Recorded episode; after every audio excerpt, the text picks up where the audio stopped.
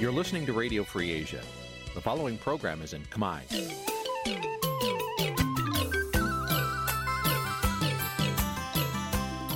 Nǐ chi càm bi tiệp xáy vệt chiu a zì sê នេះជាកម្មវិធីផ្សាយរបស់ Vithu Azisari ជាភាសាខ្មែរ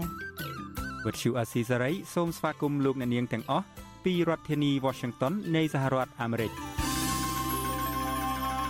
ចាប់ពីរដ្ឋធានី Washington នាងខ្ញុំម៉ៅសុធានីសូមជម្រាបសួរលោកអ្នកស្ដាប់ទាំងអស់ជាទីមេត្រី ចាស់យើងខ្ញុំសូមជូនការផ្សាយសម្រាប់ព្រឹកថ្ងៃសៅរ៍4កើតខែអាសាឍឆ្នាំខាលចត្វាស័កពុទ្ធសករាជ2566ហើយដល់ត្រូវនៅថ្ងៃទី2ខែកក្កដាគ្រិស្តសករាជ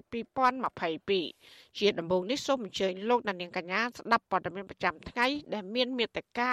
ដូចតទៅ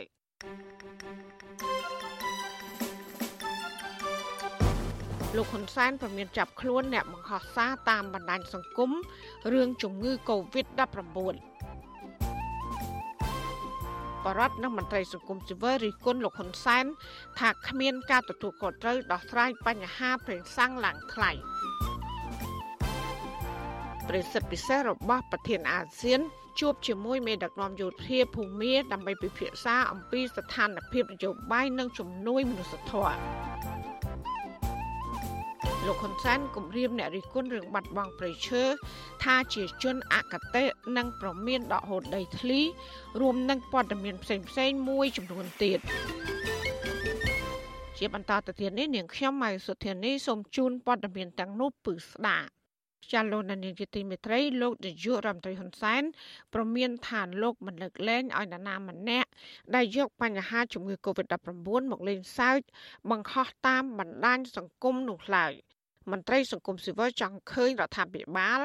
មុននឹងចាប់ចងឬចោតប្រកាន់ជនណាម្នាក់គួរតែមានវិធានការអប់រំជំនុនសិនជាប្រធានាធិបតី Washington លោកទីនហ្សាការីយ៉ារីកាព័ត៌មាននេះលោកហ៊ុនសែនអះអាងថាពេលនេះគ្មានអ្នកកើតជំងឺ Covid-19 សម្រាប់ព្យាបាលនៅមន្ទីរពេទ្យនោះទេ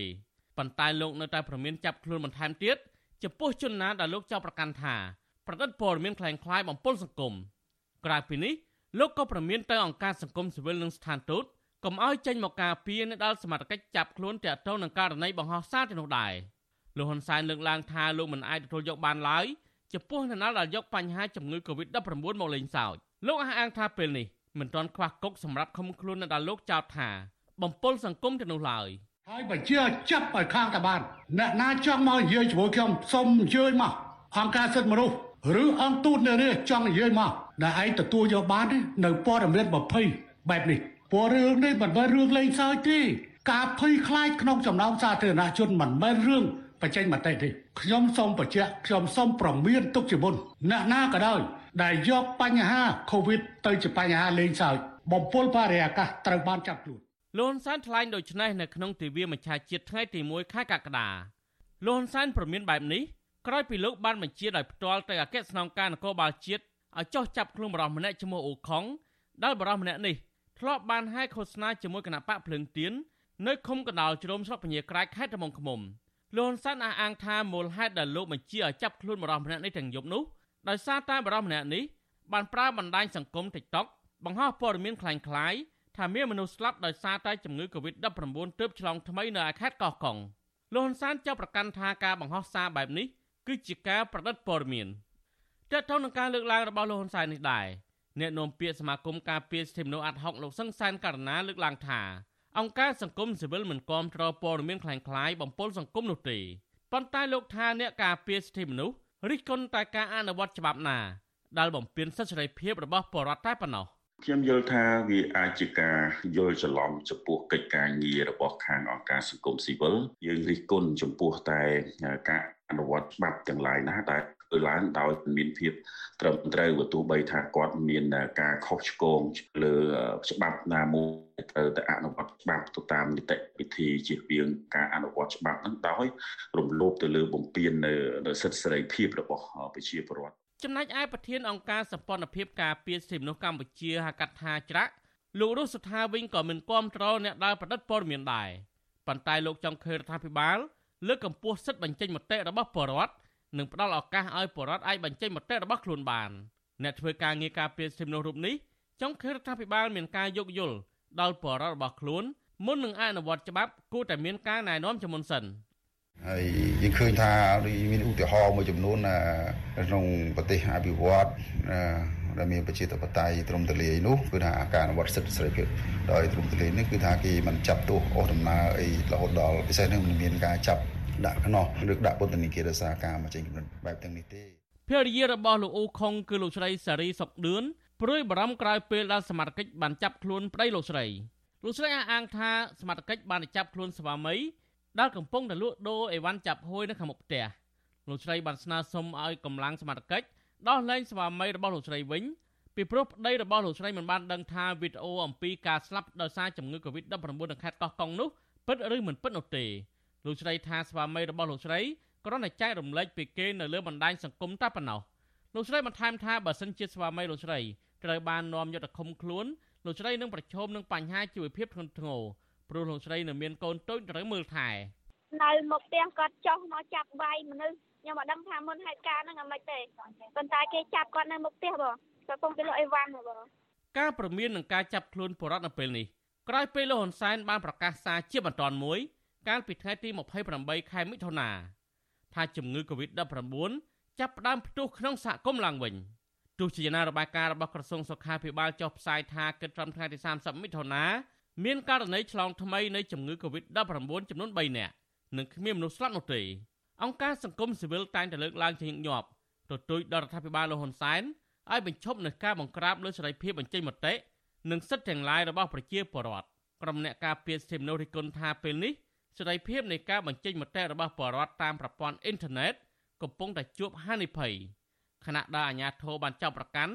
និងចាប់ខ្លួនពលរដ្ឋជាបន្តបន្ទាប់ករណីបង្ហោះសារតាមបណ្ដាញសង្គមនោះខ្ញុំធីនសាការីយ៉ាអស៊ីសេរីប្រធានីវ៉ាស៊ីនតោនលោកអ្នកនាងកញ្ញាកំពុងស្ដាប់ការផ្សាយរបស់វិទ្យុអសីស្រីផ្សាយចេញពីរដ្ឋធានី Washington អ្នកខ្លំមើលព្រៃឈើក្រមយុវជននិងបរដ្ឋសោកស្ដាយចំពោះការនិយាយឌៀមដាមរបស់លោកហ៊ុនសែនទៅលើអ្នករិះគន់រឿងបាត់បង់ព្រៃឈើថាជាជនអកតេនិងជាក្រុមបពប្រឆាំងដែលបាននាំគ្នាទៅកាប់ទន្ទ្រានព្រៃឈើធ្វើកសិកម្មដើម្បីបង្កបង្កើនផលហើយដែលនាំឲ្យបាត់បង់ព្រៃឈើចាលោកហ៊ុនសែនក៏បានប្រមាននឹងដកហូតដីធ្លីរបស់អ្នករិះគន់ទាំងនោះ ដែលបានកាន់កាប់ក្រោយទសវត្សរ៍ឆ្នាំ70 ដើម្បីយកដីដាំកូនឈើឡើងវិញសូមលោកអ្នកនាងកញ្ញារងចាំស្ដាប់សេចក្តីរាយការណ៍ពីស្ដាមពីរឿងនេះនាពេលបន្តិចទៀតនេះ thank you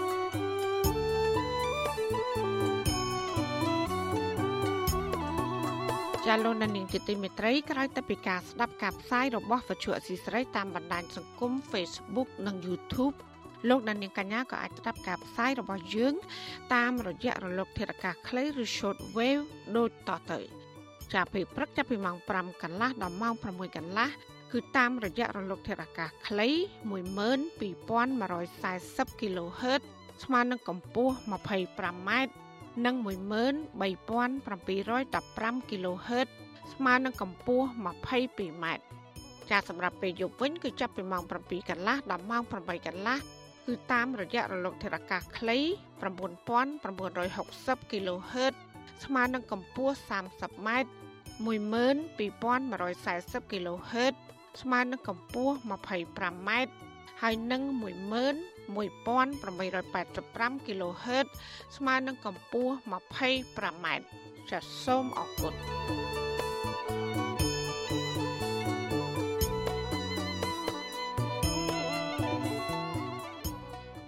ចាលោកនានីជាទីមេត្រីពាក់ព័ន្ធនឹងរឿងប្រេងឥន្ធនៈឡើងថ្លៃខ្លាំងវិញប្រជាពលរដ្ឋនិងមន្ត្រីសង្គមស៊ីវិលហើយនិងសហជីពរិះគន់លោកនាយករដ្ឋមន្ត្រីហ៊ុនសែនថាគ្មានឆន្ទៈក្នុងការដោះស្រាយដល់ពលរដ្ឋក្រីក្រនិងអ្នករត់ម៉ូតូឌុប ពួកគាត់ក៏បានស្នើដល់លោកហ៊ុនសែនឲ្យចាត់វិធានការដោះស្រាយបញ្ហាប្រេងសាំងឡើងថ្លៃឲ្យមានប្រសិទ្ធភាពជៀសវាងការនិយាយត្រឹមតែពាក្យសំទោសទៅកាន់បរដ្ឋដែលកំពុងជួបបញ្ហាធ្ងន់ធ្ងរក្នុងបន្ទុកគ្រួសារប្រជាពលរដ្ឋដែលប្រកបរបររថម៉ូតូឌុប ត្អូញត្អែពីការប្រឈមបញ្ហាក្នុងគ្រួសារនិងបញ្ហាគ្មានប្រាក់ចំណូលសម្រាប់ដោះស្រាយបំណុលធនាគារស្របពេលដែលរដ្ឋាភិបាលគ្មានភាពច្បាស់លាស់ក្នុងការដោះស្រាយបញ្ហាប្រេងឥន្ធនៈដែលបន្តឡើងថ្លៃយ៉ាងគំហុក បរដ្ឋដែលប្រកបរបររថម៉ូតូកង់3ម្នាក់ក្នុងខេត្តសៀមរាបលោកសឿងស្រុនប្រាប់បច្ចុប្បន្នស៊ីស្រីនៅថ្ងៃទី1ខែកក្កដាថាបញ្ហាពេញសាំងនិងហ្គាសឡើងថ្លៃនេះ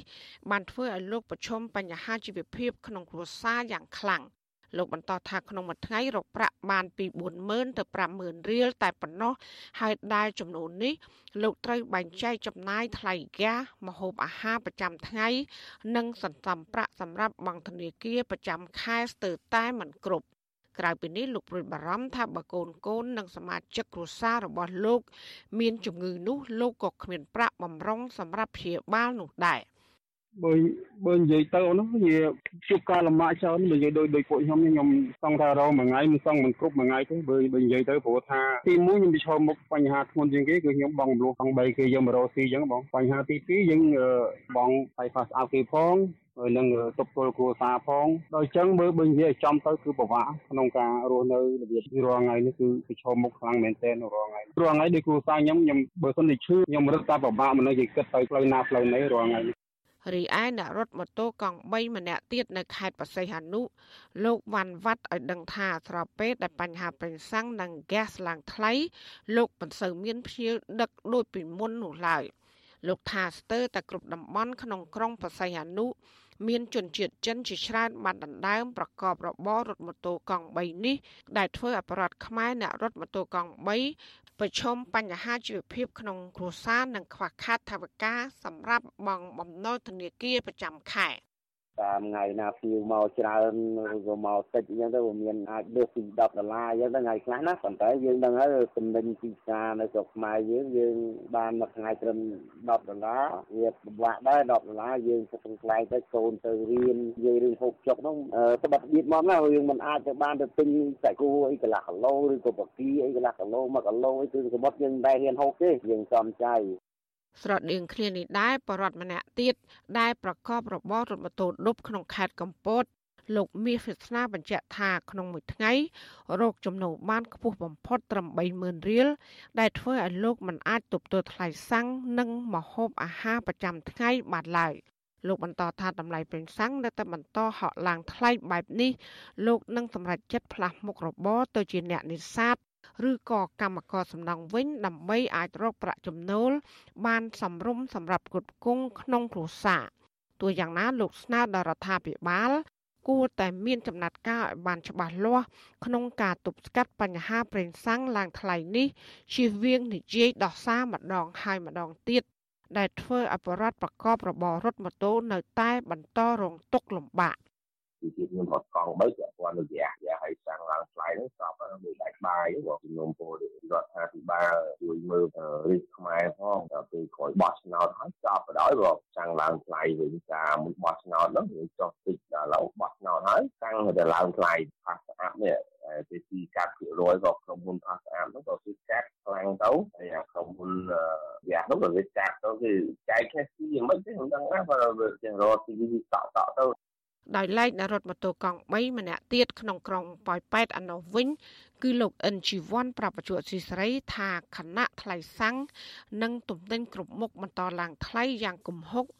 លោករកចំណូលបានតិចតួចបំផុតហើយលោកត្រូវធ្វើការជាអ្នកអូសរទេះបន្លែនៅពេលយប់នៅក្នុងផ្សារទីក្រុងប៉ោយប៉ែតបន្ថែមទៀត លោកបន្តថាកូនកូនរបស់លោកចំនួន3នាក់ត្រូវយកទៅផ្ញើនឹងជីដូនចាស់ជរានៅឯស្រុកកំណើតខេត្តកំពង់ចាម ដើម្បីឲ្យពួកគេបានរៀនសូត្រនិងដើម្បីកាត់បន្ថយថ្លៃចំណាយលើម្ហូបអាហារប្រចាំថ្ងៃ។ កាលណាដែលសាំងនៅតែឡើងថ្លៃតទៀតដល់ទៀតវាធ្វើឲ្យប៉ះពាល់ដល់ជីវភាពចាំថ្ងៃមិនថាតែខ្ញុំទេបងប្អូនដែលគាត់គាត់ម៉ូតូដប់ឬក៏គាត់ទៅជីវករគាត់ត្រូវការធ្វើដំណើរតាមផ្លូវគាត់ជាអញ្ចឹងគាត់សាំងឡើងថ្លៃគាត់ពិបាកគាត់រកចំណូលបានតិចតួចដែរណាដូចតែខ្ញុំដែររកបានលអ៊ុយម្នាក់ម្នាក់លអ៊ុយគ្រប់គ្នាសាំងឡើងថ្លៃអញ្ចឹងការត្អូញត្អែរបស់ប្រជាប្រដ្ឋទាំងនេះក្រោយពីតម្លៃប្រេងឥន្ធនៈបានឡើងថ្លៃយ៉ាងគំហុក ការបញ្ចេញប្រតិកម្មរបស់បរដ្ឋនេះគឺនៅបន្ទាប់ពីលោកនាយករដ្ឋមន្ត្រីហ៊ុនសែនលើកឡើងជាថ្មី ថាបញ្ហាប្រេងសាំងឡើងថ្លៃនេះ មិនមែនកាត់ឡើងនៅកម្ពុជានោះទេគឺកាត់ឡើងជំវិញពិភពលោក ដែលបណ្ដាលមកពីសង្គ្រាមរវាងរុស្ស៊ីនិងអ៊ុយក្រែនលោកហ៊ុនសែនក៏បានជំរុញដល់ប្រជាពលរដ្ឋដែលមានលទ្ធភាពឲ្យប្រើប្រាស់រថយន្តដែលប្រើធម្មពលអាគុយឬហ្គាសវិញទោះយ៉ាងណាលោកមិនបានលើកយកបញ្ហាប្រេងសាំងឡើងថ្លៃនេះដើម្បីដោះស្រាយជូនប្រជាពលរដ្ឋនោះឡើយ។ ហើយប្រសិនជាបងប្អូនយល់ថាចាំបាច់អ្នកដែលមានលុយមានកាសល្បងបងគួរតែផ្លាស់ប្ដូរចាប់ប្រាំផ្លាស់ប្ដូរពីឥឡូវទៅនោះគឺការប្រើប្រាស់ឡានធុងអគុយឡានអគុយវិញអានឹងជាការកាត់បន្ថយយើងនៅតែបន្តធ្វើដដាបានគ្រាន់តែវាយឺតជាងប៉ុន្តែម៉ូតូប្រហែលជាអត់មានម៉ូតូប្រើអគុយវិញហើយម៉ូតូនៅប្រទេសរបស់យើងនៅប្រមាណ4លានគ្រឿងមួយថ្ងៃប្រើតែ1លីត្រក្នុងមួយគ្រឿងគឺអស់4លានលីត្របាត់ហើយនៅឡាវក៏ខ្វះប្រេង នៅសេរីឡាកាក៏ខ្វះប្រេងយើងមិនតន់ដល់ថ្នាក់ខ្វះប្រេងទេ តែពេលណាមួយបំរុងទុកអាចនឹងមានការលំបាកមានលុយហើយទិញប្រេងបានទៀតតែសុំការយោគយល់អធិស្ឋានក្រសួងពាណិជ្ជកម្មនៅថ្ងៃទី1ខែកក្កដានេះបានចេញសេចក្តីជូនដំណឹងពីការកំណត់ថ្លៃលក់រាយប្រេងឥន្ធនៈនៅតាមស្ថានីយ៍ចាប់ពីថ្ងៃទី1ដល់ថ្ងៃទី10ខែកក្កដាថាចំពោះសាំងធម្មតាត្រូវលក់ក្នុងតម្លៃ5800រៀលក្នុង1លីត្រ និងចំពោះប្រេងម៉ាស៊ូតវិញ គឺត្រូវលក់តម្លៃ6200រៀលក្នុង1លីត្រក្រសួងពាណិជ្ជកម្មបញ្ជាក់ថាតម្លៃនេះគឺជាការសម្រេចរបស់លោកនាយករដ្ឋមន្ត្រីហ៊ុនសែននិងមានការចូលរួមចំណែកពីក្រុមហ៊ុនចែកចាយនៅកម្ពុជា ដើម្បីជួយសម្រួលដល់ជីវភាពរបស់ប្រជាពលរដ្ឋ ទោះជាបែបនេះក្តីរហូតមកដល់ពេលនេះបរដ្ឋបានឲ្យដឹងថាតម្លៃសាំងបានហក់ឡើងក្នុងតម្លៃជាង6300រៀលក្នុង1លីត្រនៅតាមបណ្ដាខេត្តមួយចំនួនប្រធានសហភាពសហជីពកម្ពុជាលោករងឈុនលើកឡើងថាបញ្ហាប្រេងសាំងហក់ឡើងថ្លៃខ្ពស់បានធ្វើឲ្យប្រជាពលរដ្ឋទៅទូទាំងប្រទេសដែលមានប្រាក់ចំណូលទាបនិងមធ្យមជួបបញ្ហាជីវភាពក្នុងគ្រួសារ លោកបន្តថាទោះបីជាតម្លៃប្រេងឥន្ធនៈកើនឡើងខ្ពស់បណ្ដាលមកពីសង្គ្រាមរវាងរុស្ស៊ីនិងអ៊ុយក្រែនក្តីរដ្ឋាភិបាលគួរបញ្ចុះពន្ធនាំចូល និងបញ្ចេញកញ្ចប់ថវិកាជាតិដើម្បីកាត់បន្ថយការលំបាករបស់ប្រជាពលរដ្ឋ យើងបានស្ដាប់លោកនាយករដ្ឋមន្ត្រីខ្លែងនៅស្វីសកន្លងមកនឹងដែលធ្វើការលើកថាថ្លៃសាំងនៅអឺរ៉ុបក៏ថ្លៃតែការពិតការលើកឡើងនេះมันត្រឹមត្រូវទេពីព្រោះយើងដឹងហើយអឺរ៉ុបឡើងមែនប៉ុន្តែផលទុនសរុបប្រចាំឆ្នាំឬយើងហៅថា GDP ប្រជាពលរដ្ឋប្រទេសគេហ្នឹងវាខ្ពស់ជាងកម្ពុជាយើងតែកម្ពុជាយើងផលទុនសរុបប្រចាំឆ្នាំរបស់ប្រជាពលរដ្ឋទាបហើយថ្លៃសង្ឃថែគ្នាអញ្ចឹងយើងមានផលប៉ះពាល់ធ្ងន់ធ្ងរសម្បើមណាស់រដ្ឋាភិបាលត្រូវតែមានវិធានការឬមួយកុំយកពន្ធទៅលើតម្លៃប្រេងឥន្ធនៈលោករងឈុនបន្ថែមថារដ្ឋាភិបាល គួរតែរៀបចំគោលនយោបាយក្នុងការដោះស្រាយទុកលំបាករបស់ប្រជាពលរដ្ឋឲ្យមានភាពច្បាស់លាស់ជាងបច្ចុប្បន្នមិនគួរត្រឹមតែថ្លែងសំទោសទៅកាន់ប្រជាពលរដ្ឋហើយទុកចោលបញ្ហាករណីតម្លៃប្រេងសាំងបន្តហក់ឡើងខ្ពស់មិនព្រមដោះស្រាយបែបនេះនោះឡើយលោកបន្ថែមថាបើរដ្ឋាភិបាល នៅតែមិនខ្វល់ខ្វាយដោះស្រាយតម្លៃប្រេងឥន្ធនៈឲ្យបានសមរម្យនោះទេ លោកនឹងពិភាក្សាជាមួយថ្នាក់ដឹកនាំសហជីពនិងសមាជិកផ្សេងទៀតដើម្បីប្រមូលផ្ដុំគ្នាសម្ដែងមតិជំរុញដល់រដ្ឋាភិបាលយកចិត្តទុកដាក់និងពន្លឿនការដោះស្រាយបញ្ហាប្រេងសាំងនេះឲ្យនៅតម្លៃទាបសមរម្យដើម្បីសម្រួលការលំបាករបស់ប្រជាពលរដ្ឋ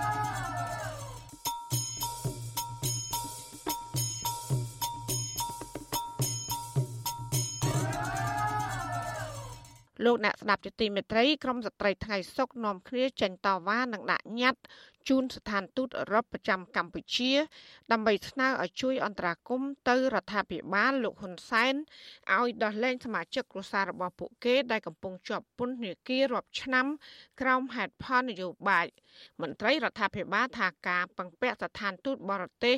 ឲ្យជួយអន្តរាគមន៍និងដាក់សម្ពាធមកលើរដ្ឋាភិបាលនេះ គឺជារឿងមិនត្រឹមត្រូវចាប់ពីរដ្ឋធានី Washington លោកយុនសាមៀនរាយការណ៍ព័ត៌មាននេះ ក្រមស្ត្រីថ្ងៃសុកប្រមាណ10នាក់នៅថ្ងៃទី1ខែកក្កដាបាននាំគ្នាលើកបដារូបថតអ្នកជាប់ឃុំនិងស្រែកដង្ហើយហៅស្ថានប្រតិភូសហភាពអឺរ៉ុបនិងប្រទេសប្រជាធិបតេយ្យធំធំឲ្យជួយអន្តរាគមន៍ទៅរដ្ឋាភិបាលកម្ពុជា ដើម្បីដោះលែងប្តីនិងសមាជិកគ្រួសារពួកគេដែលកំពុងរងទុក្ខវេទនានៅក្នុងពន្ធនាគារព្រៃសរតំណាងស្ត្រីថ្ងៃសុកដែលជាប្រពន្ធមន្ត្រីគណៈបកប្រឆាំងកំពុងជាប់ពន្ធនាគារ គឺលោកស្រីព្រំចន្ទថាថ្លែងប្រាប់បច្ចុប្បន្នអាស៊ីសេរីក្រោយដាក់ញត្តិថាមន្ត្រីស្ថានទូតសហភាពអឺរ៉ុបបានអញ្ជើញពួកលោកស្រីចំនួន4នាក់ឲ្យចូលជួបលោកស្រីឲ្យដឹងថាមន្ត្រីកិច្ចការនយោបាយរបស់ស្ថានទូតបានសន្យាថាពួកគេនឹងយកញត្តិនោះទៅប្រគល់ជូនអ្នកស្រីអគ្គរដ្ឋទូតពិនិត្យនិងតាមដានបន្តទៀត។ លោកស្រីព្រំចន្ទថារំពឹងថាស្ថានទូតសហភាពអឺរ៉ុបនឹងជួយអន្តរាគមន៍ទៅរដ្ឋាភិបាលកម្ពុជាឲ្យស្ដារលទ្ធិប្រជាធិបតេយ្យនិងការគោរពសិទ្ធិមនុស្សពិតប្រាកដដើម្បីឲ្យលើកលែងទោសដល់អ្នកជាប់ឃុំក្នុងសំណុំរឿងនយោបាយទាំងអស់ព្រោះសហភាពអឺរ៉ុបគឺជាម្ចាស់ជំនួយដ៏ធំ ជាពិសេសការផ្ដល់ប្រព័ន្ធអនុគ្រោះពន្ធ EBA ដល់កម្ពុជា សំសារនឹងក្នុងន័យដើម្បីឲ្យស្ថានទូតអឺរ៉ុបនឹងដើម្បីជួយរកដំណោះស្រាយឬក៏ជំរុញរដ្ឋាភិបាលដោះលែងក្រុមឧស្សាហ៍ពួកខ្ញុំរដ្ឋាភិបាលឯកបៈមួយនេះក៏អត់ដែលគិតពីសុខទុក្ខប្រជាពលរដ្ឋឬក៏អារម្មណ៍ពីប្រទេសកម្ពុជាដែលគាត់បានដឹកនាំសពថ្ងៃដែលប្រជាពលរដ្ឋរស់ក្រោមអំណាចរបស់គាត់គាត់ធ្វើទុកបុកម្នេញគាត់បិទបំបិទសិទ្ធិសេរីភាពពួកខ្ញុំអញ្ចឹងខ្ញុំត្រូវតែរកកិច្ចធម៌សម្រាប់ពួកខ្លួនពួកខ្ញុំផ្ទាល់ជាពិសេសក្រុមឧស្សាហកម្មជននយោបាយទាំងអស់ក៏ដូចជាប្តីពួកខ្ញុំកំពុងចាប់ពន្ធនាគារដែលអត់កំហុសសោះ ដោយលើកមុនមុនដែរសកម្មភាពតវ៉ាដោយសន្តិវិធីនិងស្របច្បាប់របស់ក្រមស្ត្រីថ្ងៃសុកនេះរងការយាយីនិងរំខានដោយការរុញច្រាននិងដណ្ដើមយកបដារូបថតពីសំណាក់ក្រមសន្តិសុខនិងសមត្ថកិច្ចរាជធានីភ្នំពេញដែលមានចំនួនច្រើនលើសលប់ស្ត្រីទាំងនោះមិនអាចឈរលើកបដារូបថតអ្នកជំនាញផ្នែកច្បាប់និងកិច្ចការអន្តរជាតិកញ្ញាសេងធីរី និងក្រុមគ្រួសារពួកគេនៅមុខស្ថានទូតសហភាពអឺរ៉ុបប្រចាំកម្ពុជា តាមបណ្ដោយផ្លូវព្រះនរោត្តមដោយសារតែក្រុមអាជ្ញាធរតាមបំបែកនិងបង្កហិង្សាបណ្ដាលឲ្យស្ត្រី2នាក់រងរបួស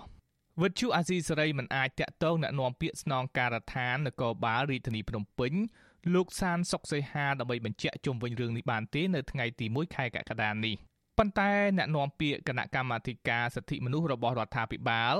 លោកកតាអូន ប្រាប់វិទ្យុអាស៊ីសេរីថាញត្តិរបស់ក្រមស្ត្រីថ្ងៃសុកស្នើសុំឲ្យស្ថានទូតបរទេសជួយអន្តរាគមន៍និងដាក់សម្ពាធមកលើរដ្ឋាភិបាល គឺជារឿងមិនត្រឹមត្រូវនោះទេដោយលោកអះអាងថាសកម្មភាពនោះធ្វើឲ្យប៉ះពាល់ដល់ប្រយោជន៍ជាតិម្យ៉ាងទៀតលោកជំរុញឲ្យគ្រួសារសកម្មជនគណៈបកប្រឆាំងប្រើសិទ្ធិតតាំងក្តីតាមនីតិវិធី តាមប្រព័ន្ធតុលាការ ចំណែកករណីអាញាធរបង្ក្រាបដោយហិង្សាលើអ្នកតវ៉ាវិញលោកកតាអូនអះអាងដដែលដដែលថាក្រមស្ត្រីដែលចេញដាក់ញត្តិនឹងតវ៉ាទាំងនេះមិនបានសុំច្បាប់និងស្ដាប់តាមការណែនាំរបស់អាជ្ញាធររាជធានីភ្នំពេញទើបអាជ្ញាធរបំបែកដើម្បីរក្សាសន្តិភាពសាធារណៈ ញាធរក៏ក៏មិនចង់ដែរប៉ុន្តែបងប្អូនជាបរិបទគាត់នៅតែម្នេះអំពីការមិនគោរពវិធានរបស់សមាជិកដូច្នេះសមាជិកគេមានបច្ចេកទេសរបស់គេនៅក្នុងការទប់ស្កាត់ដើម្បីស្ដារស្ថានភាពស្ថិរភាពសាធារណៈក្នុងសាធារណៈប្រយោជន៍សាធារណៈដូច្នេះសមាជិកត្រូវមានវិធានការក្នុងការទប់ស្កាត់វិញទោះបីជាយ៉ាងណាប្រពន្ធសកម្មជនគណៈបកសង្គ្រោះជាតិលោកយឹមសារ៉េតគឺអ្នកស្រីអុកចន្ទធីឲ្យដឹងថាមូលហេតុដែលពួកអ្នកស្រីបន្តចេញតវ៉ានិងដាក់ញត្តិនេះ ដោយសារតែប្តីអ្នកស្រីនិងសកម្មជនមួយចំនួនទៀតជាប់ពន្ធនាគារទាំងគ្មានកំហុសលោកស្រីខកចិត្តជាខ្លាំងចំពោះសមត្ថកិច្ចចម្រុះស្លៀកពាក់ឯកសន្តាន និងស៊ីវិលបានប្រើអំពើហិង្សាលើក្រមស្ត្រីដាក់ញត្តិនៅមុខស្ថានទូតសហភាពអឺរ៉ុបលោកស្រីរៀបរាប់ថាក្រមសន្តិសុខបានរុញច្រានទាញផ្ទាំងរូបថតពេញទំហឹងបណ្ដាលឲ្យលោកស្រីរងរបួសធ្ងន់ដោយលោកស្រីត្រូវមួយដៃបែកមាត់និងកូនលោកស្រីត្រូវមួយដៃចាំកញ្ចឹងក លោកស្រីចាត់ទុកអំពើហិង្សាពីសំណាក់សន្តិសុខនេះគឺជាអំពើឃោឃៅគ្មានក្រមសីលធម៌និងរំលោភបំពានលើស្ត្រីទុនខ្សោយជាពលរដ្ឋតវ៉ាគ្រាន់តែបញ្ចេញមតិតស៊ូមតិគាត់មកវាយមកប្រើហិង្សាមកជាប្រមាថចឹងទេព្រោះអីច្បាប់អត់មានឲ្យគាត់ធ្វើចឹងទេតែនេះគាត់ជាអាជ្ញាធរមានក្រមសីលធម៌ទីក្នុងខ្លួនទេខ្ញុំមិនដឹងថាគាត់នឹង រៀនច្បាប់មកពីណាអនុវត្តច្បាប់អីទេគឺគាត់ខូខើប្រៃផ្សៃក្រៅពីការដាក់ញត្តិនៅស្ថានទូតសហភាពអឺរ៉ុបក្រមស្ត្រីថ្ងៃសុកក៏គ្រងដាក់ញត្តិនៅស្ថានទូតប្រទេសប្រជាធិបតេយ្យធំធំមួយចំនួនទៀតដូចជាសហរដ្ឋអាមេរិកជប៉ុនអូស្ត្រាលីជាដើមក្រមស្ត្រីថ្ងៃសុកបដិញ្ញាចិត្តថាពួកគេបន្តធ្វើសកម្មភាពជួយរកយុត្តិធម៌ដល់ក្រុមគ្រួសារដែលកំពុងជាប់ឃុំដោយមិនរាថយនោះទេទោះបីជាត្រូវប្រឈមនឹងការយាយី និងអំពើហិង្សាពីសំណាក់អាជ្ញាធរនិងក្រមសន្តិសុខយ៉ាងណាក្តីជុំវិញរឿងនេះដែរប្រធានសមាគមការពារសិទ្ធិមនុស្សអាត់ហុកលោកនីសុខាមានប្រសាសន៍ថាការចេញដាក់ញត្តិស្វែងរកយុត្តិធម៌របស់ក្រមស្ត្រីថ្ងៃសុកស្នើទៅស្ថានទូតអឺរ៉ុបនឹងជួយអន្តរាគមន៍បន្ថែមទៀតទៅរដ្ឋាភិបាលកម្ពុជាព្រោះសហភាពអឺរ៉ុបគឺជាប្រទេសប្រកាន់នៅលទ្ធិប្រជាធិបតេយ្យនិងការគោរពសិទ្ធិមនុស្សគណៈរដ្ឋាភិបាលកម្ពុជាត្រូវការទំនាក់ទំនងល្អជាមួយពួកគេ លោកនីសុខាចាត់ទុកសកម្មភាពដោយអហិង្សានិងសន្តិវិធីរបស់ក្រមស្ត្រីថ្ងៃសុកទាំងនោះគឺជាការប្រើប្រាស់សិទ្ធិសេរីភាពស្របច្បាប់ដែលធានាដោយរដ្ឋធម្មនុញ្ញដូច្នេះអាជ្ញាធរគួរបើកឲ្យពួកគេប្រើប្រាស់សិទ្ធិឲ្យបានទូលំទូលាយដោយគ្មានការរារាំងនិងការធ្វើទុកបុកម្នេញនានា ប្រព័ន្ធតឡាការយើងបច្ចុប្បន្ននេះយើងបានមើលឃើញហើយថាវាស្ថិតនៅនៅក្រោមសម្ពាធរបស់អ្នកនយោបាយអញ្ចឹងចង់មិនចង់បញ្ញត្តិរបស់ពួកគេនឹងគឺត្រូវបានសហភាពអឺរ៉ុបក៏ដូចជាសហរដ្ឋអាមេរិកក៏ដូចជាប្រទេសប្រកាន់ប្រជាធិបតេយ្យមួយចំនួននឹងគឺយកចិត្តទុកដាក់ក្នុងការប្រាប់ទៅរដ្ឋាភិបាលដែរដើម្បីឲ្យរដ្ឋាភិបាលពិចារណាកាលពីខែសីហាឆ្នាំ2020សហភាពអឺរ៉ុបបានសម្រេចដកប្រព័ន្ធអនុគ្រោះពន្ធ EBA ចំនួន20%ពីកម្ពុជាជាផ្លូវការ ក្រោយពីរដ្ឋាភិបាលលោកហ៊ុនសែនបានបរាជ័យក្នុងការស្ដារលទ្ធិប្រជាធិបតេយ្យនិងការគោរពសិទ្ធិមនុស្សឡើងវិញ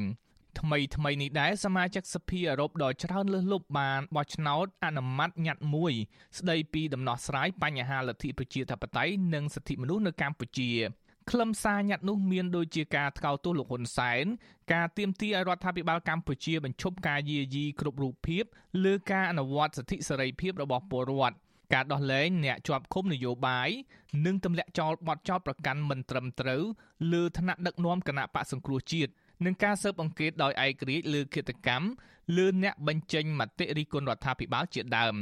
ជាពិសេសសភាអឺរ៉ុបក៏បានជំរុញឲ្យស្ថាប័នអឺរ៉ុបអនុម័តវិធានការនានាប្រឆាំងក្រុមមេដឹកនាំកម្ពុជាក្នុងនោះរួមមានទាំងការជួទាំងស្រុងនៅប្រព័ន្ធអនុគ្រោះពន្ធ EBA ផងដែរ ប្រសិនបើមានការរំលោភគណៈបកប្រឆាំងឬក៏រកឃើញថាការបោះឆ្នោតមានភាពអយុត្តិធម៌មកទល់ពេលនេះមានសកម្មជនគណៈបកប្រឆាំងជាង60នាក់កំពុងជាប់ឃុំក្នុងពន្ធនាគារដោយសារតែការអនុវត្តសិទ្ធិនយោបាយរបស់ពួកគាត់ថ្មីថ្មីនេះតុលាការបានផ្តន្ទាទោសពួកគេជាបន្តបន្ទាប់ឲ្យជាប់ពន្ធនាគារ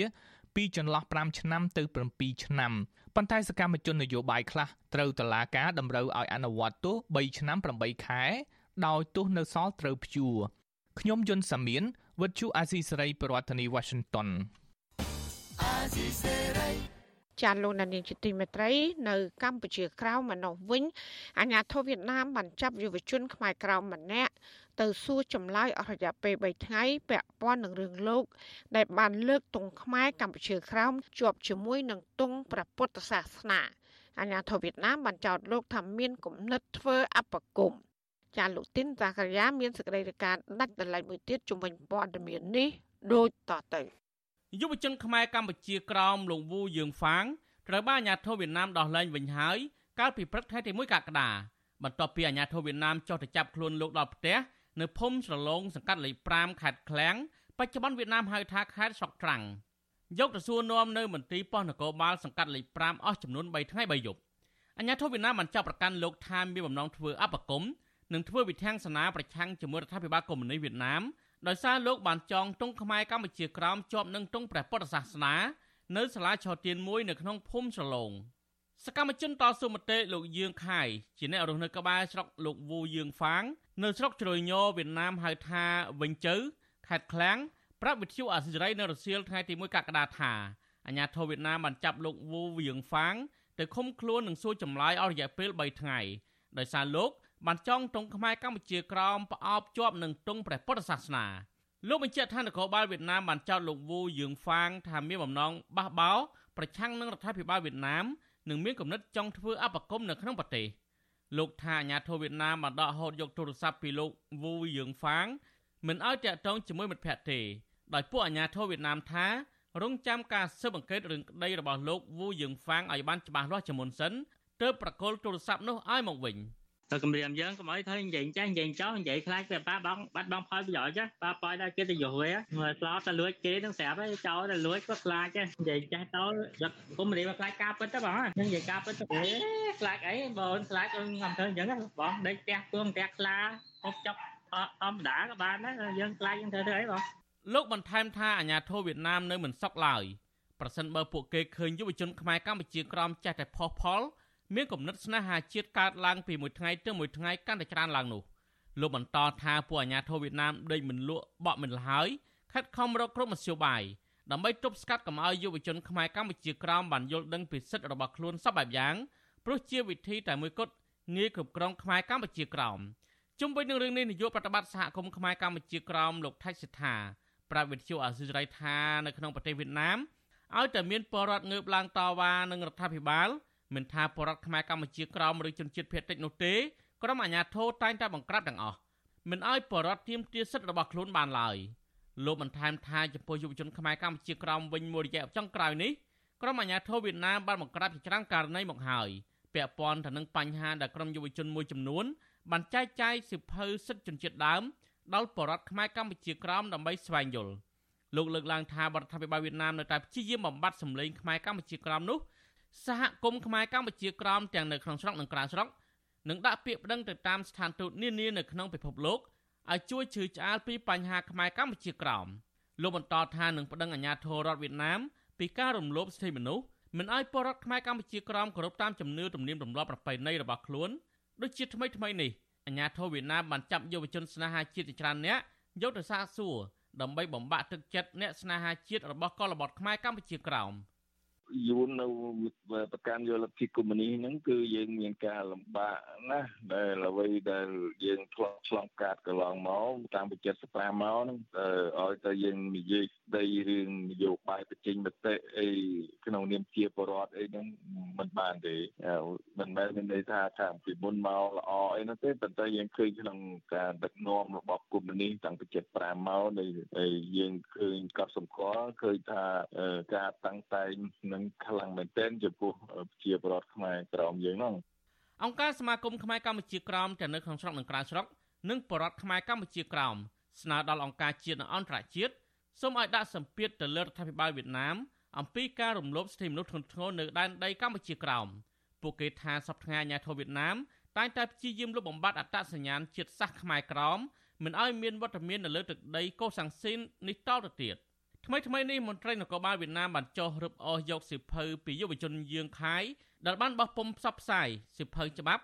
ស្ដីពីសិទ្ធិជនជាតិដើមរបស់អង្គការសហប្រជាជាតិដែលចោទថាការចែកចាយសិភៅនេះជាអំពើខុសច្បាប់វៀតណាមបញ្ហាមួយទៀតអាញាធរវៀតណាមបាននាំខ្លួនយុវជនតោងហ្វាងជឿងទៅប្រមានមិនអោយនិយាយពីប្រវត្តិសាស្ត្រខ្មែរកម្ពុជាក្រោមនិងមិនអោយប្រារព្ធទិវាសិទ្ធិនារីអន្តរជាតិដល់ស្ត្រីខ្មែរក្រោមនិងករណីមួយទៀតគឺចាប់យុវជនលឹមហ្វាងហោ ទៅគម្រាមកំហែងមិនឲ្យនិយាយពីការបាត់បង់ដីខ្មែរកម្ពុជាក្រោមតទៅទៀតក្នុងគោលបំណងដើម្បីបំផិតបំភ័យដល់យុវជនទាំងនេះហើយអាជ្ញាធរវៀតណាមប្រមានថាបើនៅតែផ្សព្វផ្សាយព័ត៌មានណាដល់អាជ្ញាធរវៀតណាមអះអាងថាប៉ះពាល់ដល់មុខមាត់វៀតណាមនោះគេនឹងចាប់ដាក់ពន្ធនាគារជាមិនខានខ្ញុំទីនសាការីយ៉ាអស៊ីសេរីប្រធានីវ៉ាស៊ីនតោន ចាលោកនាយកជាទីមេត្រីរដ្ឋបាលក្រុងសៀមរាបផ្អាកជាបណ្ដាសន្តិកម្មភាពរុះរើសំណង់ក្នុងតំបន់1និងតំបន់2នៃតំបន់រមណីយដ្ឋានអង្គរអ្នកភូមិសម្ដែងក្តីរីករាយក្នុងការផ្អាករុះរើនេះហើយសង្ឃឹមថាអាជ្ញាធរអប្សរានឹងមានការយោគយល់មិនរុះរើសំណង់របស់ពួកគាត់ លិខិតរបស់រដ្ឋបាលខេត្តសៀមរាបកាលពីថ្ងៃទី27ខែមិថុនា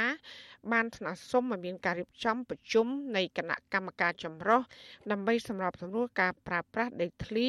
ការទប់ស្កាត់តំណងខុសច្បាប់និងការរៀបចំដណ្ដាប់ធ្នាប់នៅតំបន់រមណីយដ្ឋានអង្គររវាងរដ្ឋបាលខេត្តនិងអាជ្ញាធរអប្សរា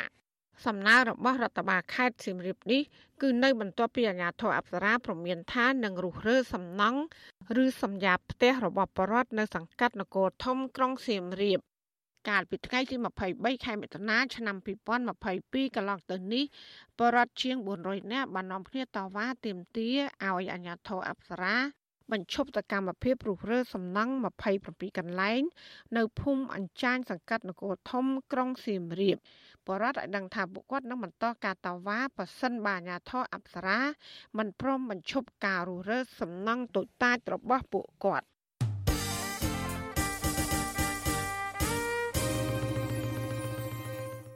ចាលោកនានីជាទីមេត្រីប្រិសិទ្ធពិសេសរបស់អាស៊ានលោកប្រាក់សុខុន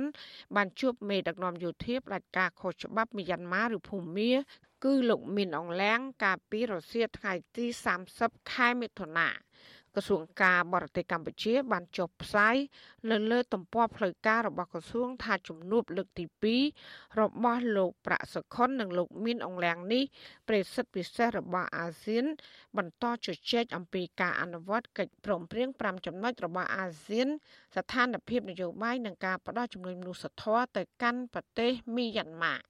ទោះបីជាយ៉ាងនេះក្តីមកដល់ពេលនេះក្រសួងការបរទេសមិនទាន់បានបញ្ចេញលទ្ធផលជំនួបរវាងលោកប្រាក់សុខុននិងលោកមានអង្លាំងនៅឡើយជំនួបរវាងប្រសិទ្ធពិសេសរបស់អាស៊ាន និងមេដឹកនាំយោធាខុសច្បាប់នៅភូមិមាននេះគឺនៅបន្ទាប់ពីអាស៊ាន បានផ្ដល់ជំនួយវ៉ាក់សាំងរបស់ចិន ចំនួន2លានដូសទៅឲ្យរបបសឹកកាលពីថ្ងៃទី29ខែមិថុនាដែលជាការផ្ដួចផ្ដើមរបស់កម្ពុជា។ តាក់ទងបញ្ហានេះអ្នកវិភាគនយោបាយលោកកឹមសុខមានប្រសាសន៍ថាលោកមិនមានជំនឿថាកម្ពុជា ក្នុងនាមជាប្រធានអាស៊ាន អាចជំរុញឲ្យរបបសឹកខុសច្បាប់នេះអនុវត្តកិច្ចព្រមព្រៀងទាំង5ចំណុចរបស់អាស៊ានបានឡើយ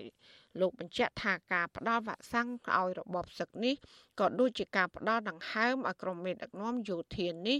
អាចបន្តអំណាចទៅមុខទៀតដូច្នោះដែរពួកមេដឹកនាំផ្ដាច់ការបង្ហូរឈាម តែងតែប្រើជំនួយមនុស្សធម៌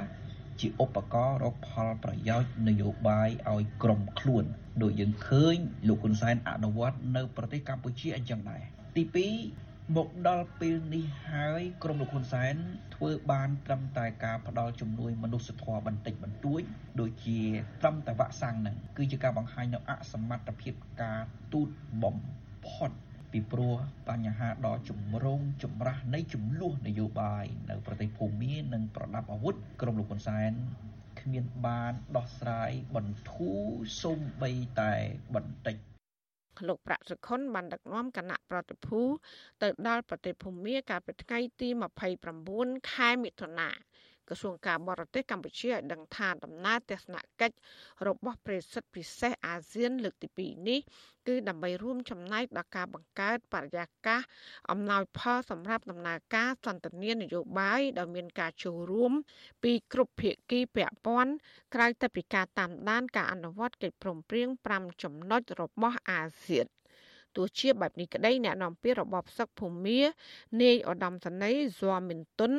បានប្រាប់បច្ចុប្បន្នអសីស្រីផ្សាយជាភាសាភូមាកាលពីពេលថ្មីថ្មីនេះថារបបសឹកនឹងមិនអនុញ្ញាតឲ្យប្រសិទ្ធពិសេសអាស៊ានជួបជាមួយអ្នកស្រីអង្សានស៊ូជីឬក៏តំណាងរដ្ឋាភិបាលស្របច្បាប់នោះឡើយ។ អ្នកនាំពាក្យរូបនេះបញ្ជាក់ថាលោកប្រាក់សុខុន អាចជួបបានតែជាមួយក្រុមកងកម្លាំងប្រដាប់អាវុធជនជាតិដើមភាគតិចនៅភូមាតែប៉ុណ្ណោះ ក្រៅតែពីទស្សនកិច្ចការងារនៅប្រទេសមីយ៉ាន់ម៉ានៅថ្ងៃទី3ខែកក្កដាលោកប្រាក់សុខុននឹងទៅចូលរួមកិច្ចប្រជុំរដ្ឋមន្ត្រីការបរទេសនៃកិច្ចសហប្រតិបត្តិការមេគង្គឡានឆាងលើកទី7ដែលនឹងប្រព្រឹត្តទៅនៅថ្ងៃទី4ខែកក្កដានៅទីក្រុងបាកានប្រទេសភូមាតាមការអញ្ជើញរបស់រដ្ឋមន្ត្រីការបរទេសនៃរបបសឹកខុសច្បាប់ កិច្ចប្រជុំនេះនឹងជជែកអំពីសាមគ្គីភាពដើម្បីសន្តិភាពនិងវិបុលភាព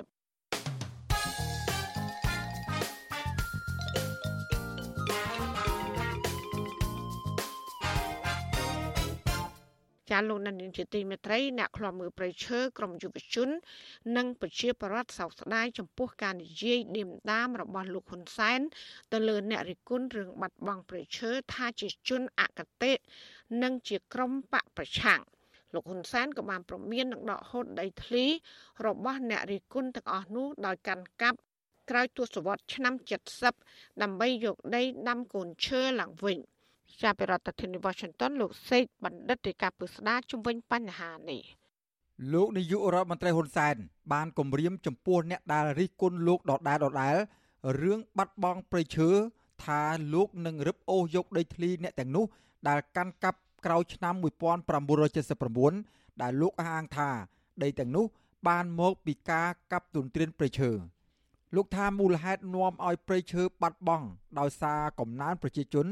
ធ្វើឲ្យមានតម្រូវការដីធ្លីសម្រាប់បង្កបង្កើនផលលោកទទួលស្គាល់ថាកម្ពុជាបាត់បង់ព្រៃឈើប៉ុន្តែចំនួនមកវិញនៅដំណាំកសិកម្មដើម្បីបំពេញតម្រូវការជីវភាពប្រជាជន ហើយក៏មានដីនៅកន្លែងខ្លះទៀតមានព្រៃឈើរិចរិលតែចំនួនមកវិញ ដោយដើមកៅស៊ូដូងប្រេង និងស្វាយចន្ទទីជាដើមលោកហ៊ុនសែនថ្លែងបែបនេះក្នុងទិវាមច្ឆាជាតិ1កក្កដាក្នុងខេត្តបន្ទាយមានជ័យនៅព្រឹកថ្ងៃទី1ខែកក្កដា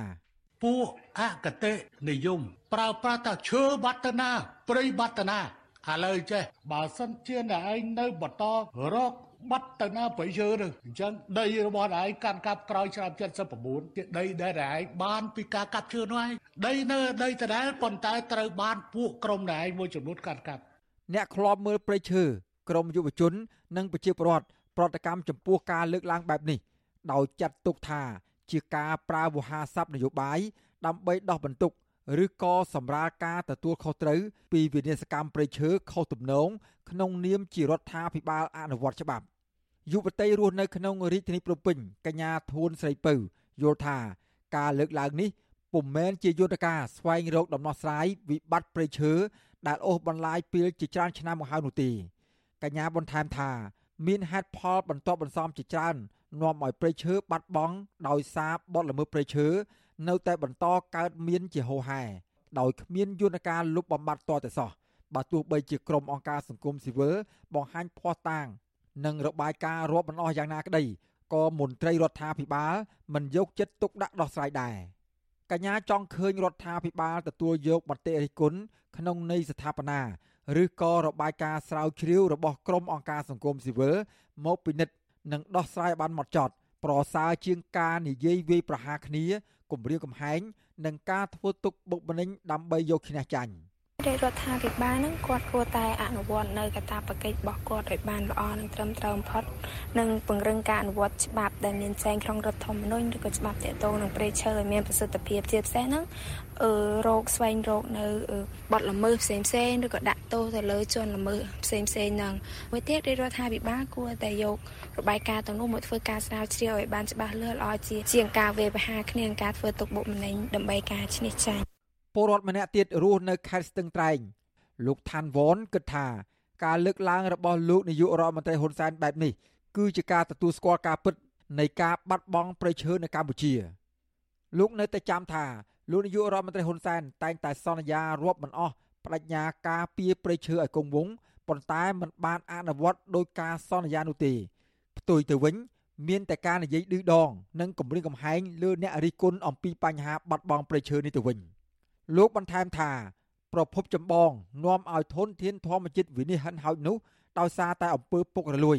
និងការអនុវត្តច្បាប់ធូររលុងហើយបញ្ហានេះនៅតែកើតមានឡើងដដែលដដែលដែលរដ្ឋាភិបាលគ្មានសមត្ថភាពដោះស្រាយទាល់តែសោះ បើតាមតែខ្ញុំមើលនៅភូមិខ្ញុំនេះដូចគ្មានការពារអីបានទេបើប្រជាពលរដ្ឋការពារទៅប្រែទៅជាគណៈបកប្រឆាំងដល់អស់ព្រៃឈើថាគណៈបកប្រឆាំងដែរវាពិបាកនឹងថាអាញាធัวឡូវវាស្លាច់វាថាវាអត់មានយកច្បាប់ជាធំផងវាយកការយល់សពតាមការនឹកឃើញវានឹកស្មានថាគ្មានណាធ្វើអីកើតចង់ថាមិនក៏បានស្រាក់ចិត្តអាងឯងមានអំណាចចំណែកអ្នកឃ្លាំមើលបរិស្ថានលោកសានម៉ាឡាមើលឃើញថា បុគ្គលណាក្តីឲ្យតែប្រព្រឹត្តបទល្មើសព្រៃឈើអាជ្ញាធរគួរតែនាំខ្លួនបុគ្គលនោះយកទៅអនុវត្តច្បាប់ដោយមិនគួរប្រើវោហារស័ព្ទនយោបាយដើម្បីសម្រាលការទទួលខុសត្រូវរបស់រដ្ឋាភិបាលនោះទេ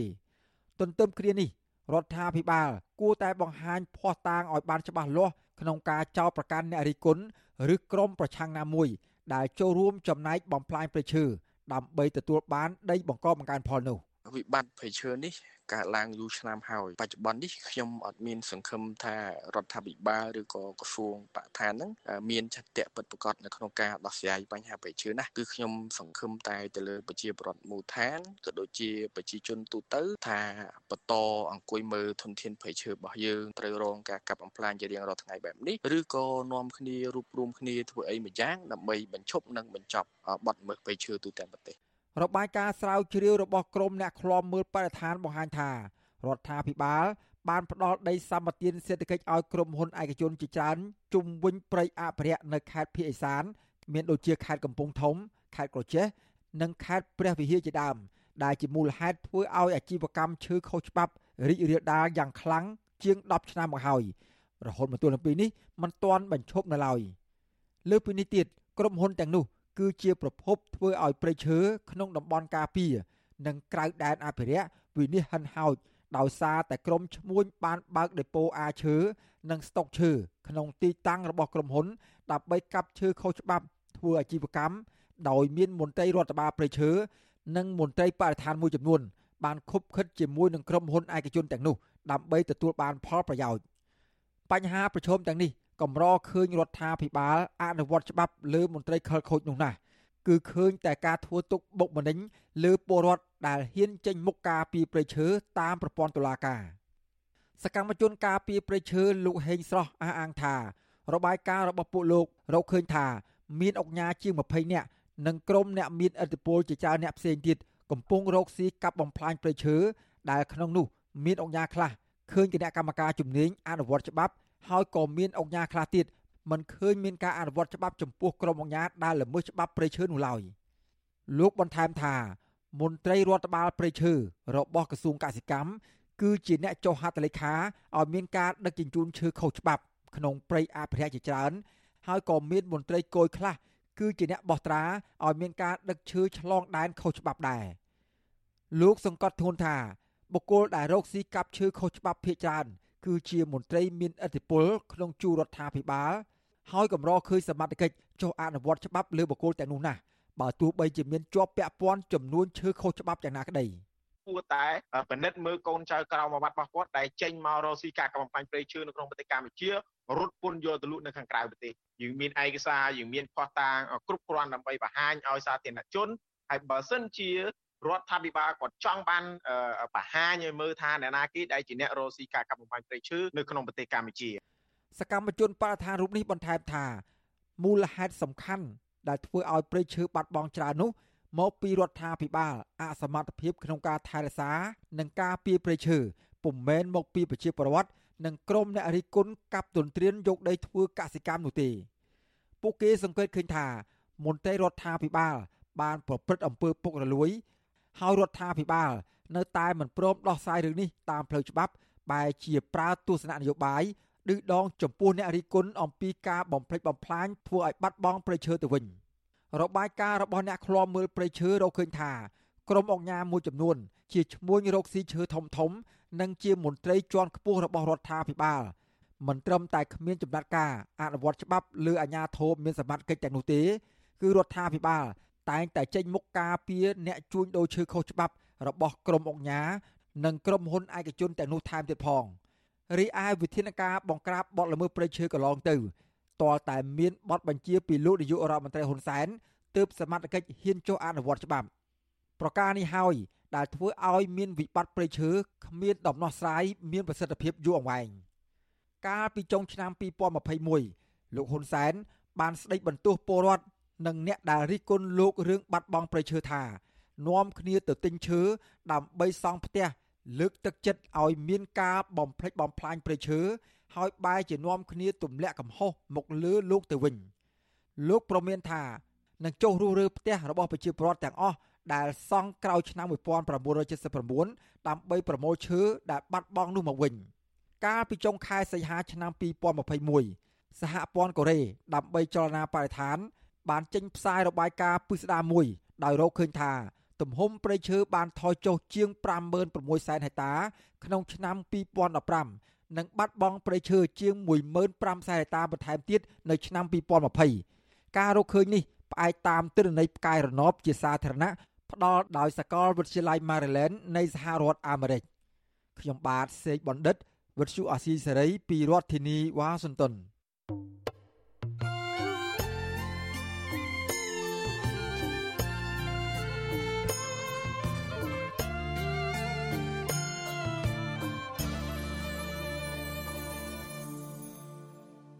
ចាលោកនានីជាទីមេត្រីក្រមមន្ត្រីអង្គការសង្គមស៊ីវិលនិងក្រមយុវជនក្រុងរៀបចំពិធីប្រារព្ធរំលឹកខួប6ឆ្នាំ នៃគិតកម្មលោកបណ្ឌិតកែមលីពេញមួយខែកក្កដាដើម្បីដាស់តឿននិងពញ្ញាក់ស្មារតីរបស់ប្រជាពលរដ្ឋនិងយុវជនឲ្យចងចាំនៅវីរភាពរបស់លោកដែលបានយកជីវិតធ្វើជាដើមទុនដើម្បីបុព្វហេតុជាតិ មន្ត្រីសង្គមស៊ីវិលនិងក្រមយុវជនព្រមទាំងប្រជាប្រដ្ឋនៅគ្រប់ស្រទាប់វណ្ណៈដែលតែបន្តទៀមទាអរដ្ឋាភិបាលស៊ើបអង្កេតដល់ឯករាជ្យឥតលំអៀងដើម្បីចាប់ខ្លួនអ្នកពាក់ព័ន្ធទាំងអស់និងឃាតករពិតប្រាកដមកផ្តន្ទាទោសតាមច្បាប់ចាសសូមស្ដាប់សេចក្តីរាយការណ៍ពិស្ដារអំពីរឿងនេះរបស់អ្នកស្រីសុជីវីដូចតទៅសង្គមស៊ីវិលនិងក្រមយុវជនលើកឡើងថាការប្រពខួប6ឆ្នាំនៃគិតកម្មបណ្ឌិតកែមលី ក្នុងរយៈពេលពេញមួយខែកក្កដាខាងមុខនេះគឺមានសារៈសំខាន់ដើម្បីរំលឹកពីវីរភាពអង្អាចរបស់លោកឲ្យសាធារណជនពិសេសកូនខ្មែរចំនួនក្រោយចងចាំការលះបង់ជីវិតរបស់វីរជនស្នេហាជាតិពួកគាត់ក៏លើកទឹកចិត្តក្រុមយុវជនចំនួនក្រោយ និងបរដ្ឋខ្មែរទូទៅឲ្យត្រងត្រាប់គំរូបណ្ឌិតកែមលីដោយបានតម្កល់ផលប្រយោជន៍ជាតិជាធំ និងប្រើសិទ្ធិជាមូលដ្ឋានដើម្បីងើបតតាំងនឹងអំពើជិះជាន់ អំពើអយុត្តិធម៌អំពើនីតិរដ្ឋភាពដើម្បីកែប្រែសង្គមកម្ពុជាឲ្យក្លាយជាប្រទេសមួយមាននីតិរដ្ឋហើយប្រជាពលរដ្ឋរស់នៅមានសេចក្តីថ្លៃថ្នូរពិតប្រាកដនាយិកាមជ្ឈមណ្ឌលសិទ្ធិមនុស្សកម្ពុជាអ្នកស្រីចាក់សុភីមានប្រសាសន៍ប្រាប់វិទ្យុអាស៊ីសេរីនៅថ្ងៃទី30ខែមិថុនាថាក្រុមអង្គការសង្គមស៊ីវិលនឹងរៀបចំប្រពខួប6ឆ្នាំនៃមរណភាពលោកមនិតកែមលីពេញមួយខែកក្កដាក្នុងគោលបំណងបន្តចែករំលែកទស្សនៈទានរបស់លោកបណ្ឌិត និងពញ្ញាស្មារតីប្រជាពលរដ្ឋទូទៅនិងក្រុមយុវជនឲ្យចងចាំវីរភាពរបស់លោកបណ្ឌិតកែមលីដែលបានយកជីវិតធ្វើជាដើមទុននិងហ៊ានរិះគន់រដ្ឋាភិបាលដើម្បីឲ្យមានការលើកស្ទួយប្រជាធិបតេយ្យនិងការគោរពសិទ្ធិមនុស្សនៅកម្ពុជា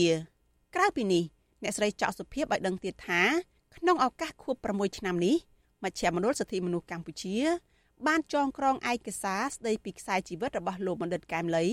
និងទស្សនៈទានរបស់លោកដោយមានការចាក់ផ្សព្វផ្សាយវីដេអូតាមបណ្ដាញសង្គមដើម្បីជាចំណេះដឹងសម្រាប់ប្រជាពលរដ្ឋនិងអាចឲ្យយុវជនមានឱកាសរៀនសូត្រកាន់តែច្រើនក្នុងការសិក្សាស្វែងយល់ពីទស្សនវិស័យបណ្ឌិតកែមលីជាមួយគ្នានេះមជ្ឈមណ្ឌលសិទ្ធិមនុស្សកម្ពុជា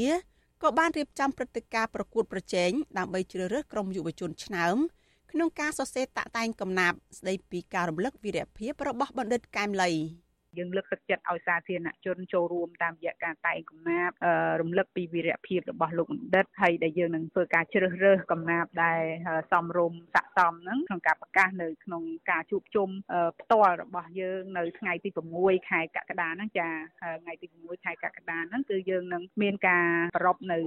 ពិធីផ្ទាល់នៅការិយាល័យដែលមានពិធីសូត្រមន្តរាប់បាតដើម្បី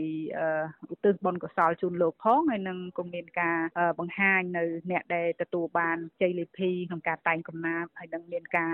ពិភាក្សាទៅលើគេដំណើរហើយនឹងការស្វែងរកយុទ្ធធរលោកបណ្ឌិតកែមលីផងដែរចា៎តែទោះជាយ៉ាងណាអ្នកស្រីចောက်សុភីបន្តថាករណីឃាតកម្មលើបណ្ឌិតកែមលីដែលបានកន្លងទៅ6ឆ្នាំមកនេះសហគមន៍ជាតិនិងអន្តរជាតិនៅតែមិនអាចទទួលយកបាននៅការបកស្រាយរបស់ស្ថាប័នតុលាការនិងរដ្ឋាភិបាលកម្ពុជា ដែលបានឃាត់ខ្លួនឃាតករម្នាក់គឺបុគ្គលជួបសម្លាប់ដោយមិនបានបង្ហាញពីវិសាលភាពក្នុងការបន្តការស៊ើបអង្កេតរកមេឃាតករពិតប្រាកដដើម្បីផ្ដាល់យុត្តិធម៌ជូនលោកបណ្ឌិតកែមលីនោះទេអ្នកស្រីមើលឃើញថារដ្ឋាភិបាលនិងស្ថាប័នតុលាការហាក់មិនបានបំពេញតួនាទីរបស់ខ្លួនក្នុងការស្វែងរកយុត្តិធម៌ជូនពលរដ្ឋពិសេសករណីបណ្ឌិតកែមលីនិងវីរៈជនស្នេហាជាតិជាច្រើនអ្នកទៀតដែលត្រូវឃាតករបាញ់សម្លាប់កន្លងមកដោយតុលាការ មិនដែលបានស៊ើបអង្កេតឲ្យបានស៊ីជម្រៅដើម្បីរកមុខហេតុករពិតប្រាកដនោះនៅឡើយទេ សាធារណជនភាគច្រើននឹងมันអាចទទួលបាននៅការបកស្រាយឬក៏ការបញ្យល់ដែលថាគិតកម្មលើលោកមនិតកែមលីនេះកើតឡើងដោយសារ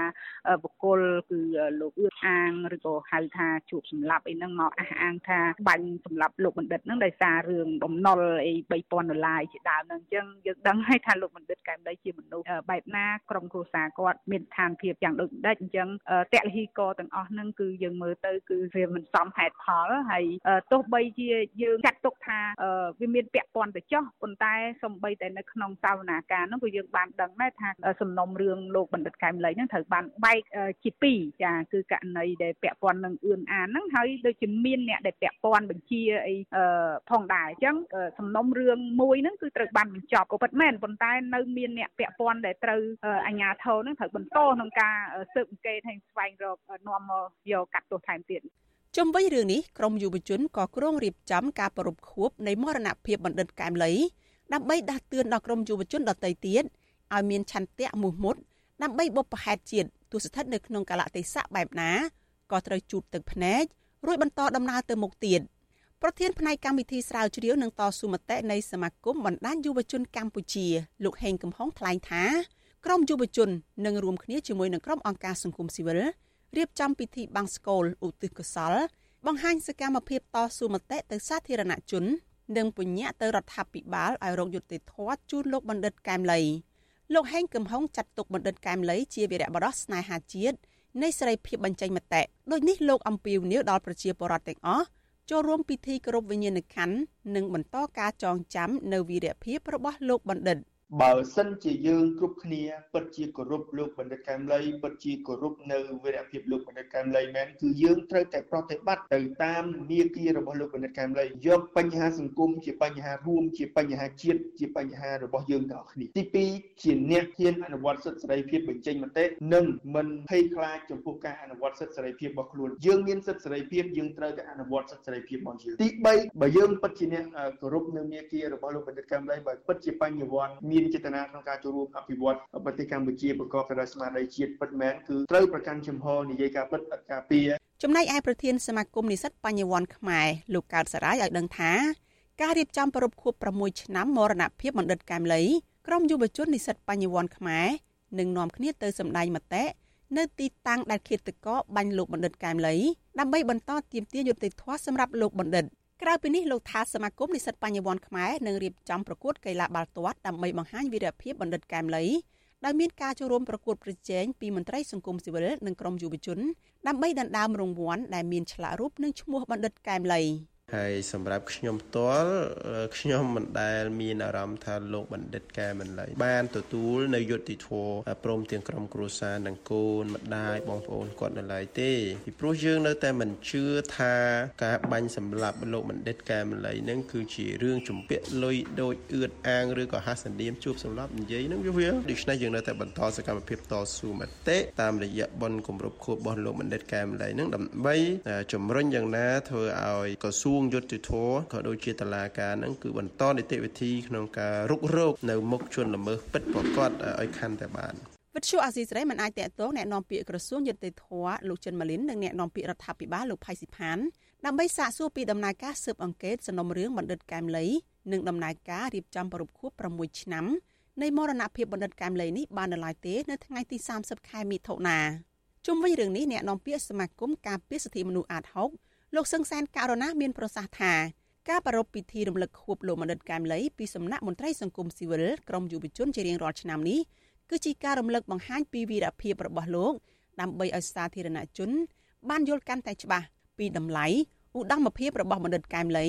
ដែលបានលះបង់កម្លាំងកាយនិងយកជីវិតជាដើមទុនដើម្បីផលប្រយោជន៍ជាតិក្រៅពីនេះលោកថាអង្គការសង្គមស៊ីវិលជាច្រើនស្ថាប័ននឹងរួមគ្នាធ្វើសេចក្តីថ្លែងការណ៍ បន្តទៀមទីឲ្យស្ថាប័នពាក់ព័ន្ធទាំងអស់ស៊ើបអង្កេតរកអ្នកពាក់ព័ន្ធនិងចាប់ខ្លួនឃាតករពិតប្រាកដមកផ្ដន្ទាទោសដើម្បីបញ្ចប់អំពើនីតិរដ្ឋភាពនៅក្នុងសង្គមកម្ពុជា។ កន្លងមកក្រោយពីមានការប្រព្រឹត្តនឹងយើងឃើញថាមានការយកចិត្តទុកដាក់មួយចំនួនដែរដែលខាងសមាជិកបានធ្វើការបំភ្លឺមួយចំនួនថានឹងមានការបំបែកនៅសំណុំរឿងដើម្បីធ្វើការស្រាវជ្រាវវែកមុខរកអ្នកពាក់ព័ន្ធផ្សេងផ្សេងទៀតដែលនៅពីក្រោយខ្នងនឹងប៉ុន្តែមកទល់ពេលនេះ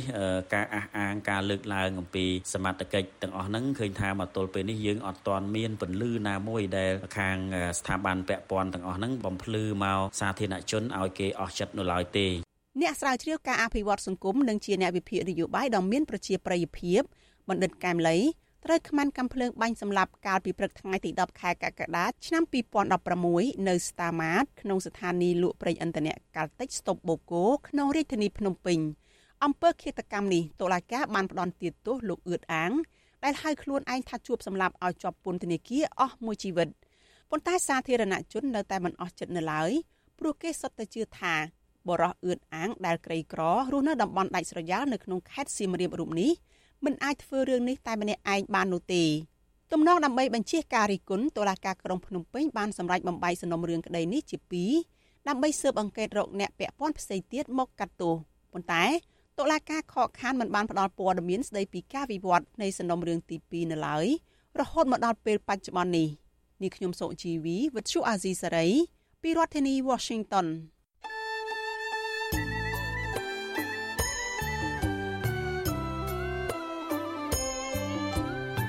ចាលោកនាងកញ្ញាអ្នកស្ដាប់ជទីមេត្រីកັບផ្សាយរយៈពេល1ម៉ោងនៃវិទ្យុអាស៊ីស្រីជាភាសាខ្មែរនៅពេលនេះចាប់តែប៉ុណ្ណេះចាយើងខ្ញុំទាំងអស់គ្នាសូមជូនពរលោកនាងព្រមទាំងក្រុមគូសាទាំងអស់សូមជួបប្រកបតែនឹងសេចក្តីសុខសេចក្តីចម្រើន ជានិរន្តរ៍ចានាងខ្ញុំម៉ៃសុធានីព្រមទាំងក្រុមការងារទាំងអស់នៃវិទ្យុអាស៊ីស្រីសូមអរគុណនិងសូមជម្រាបលា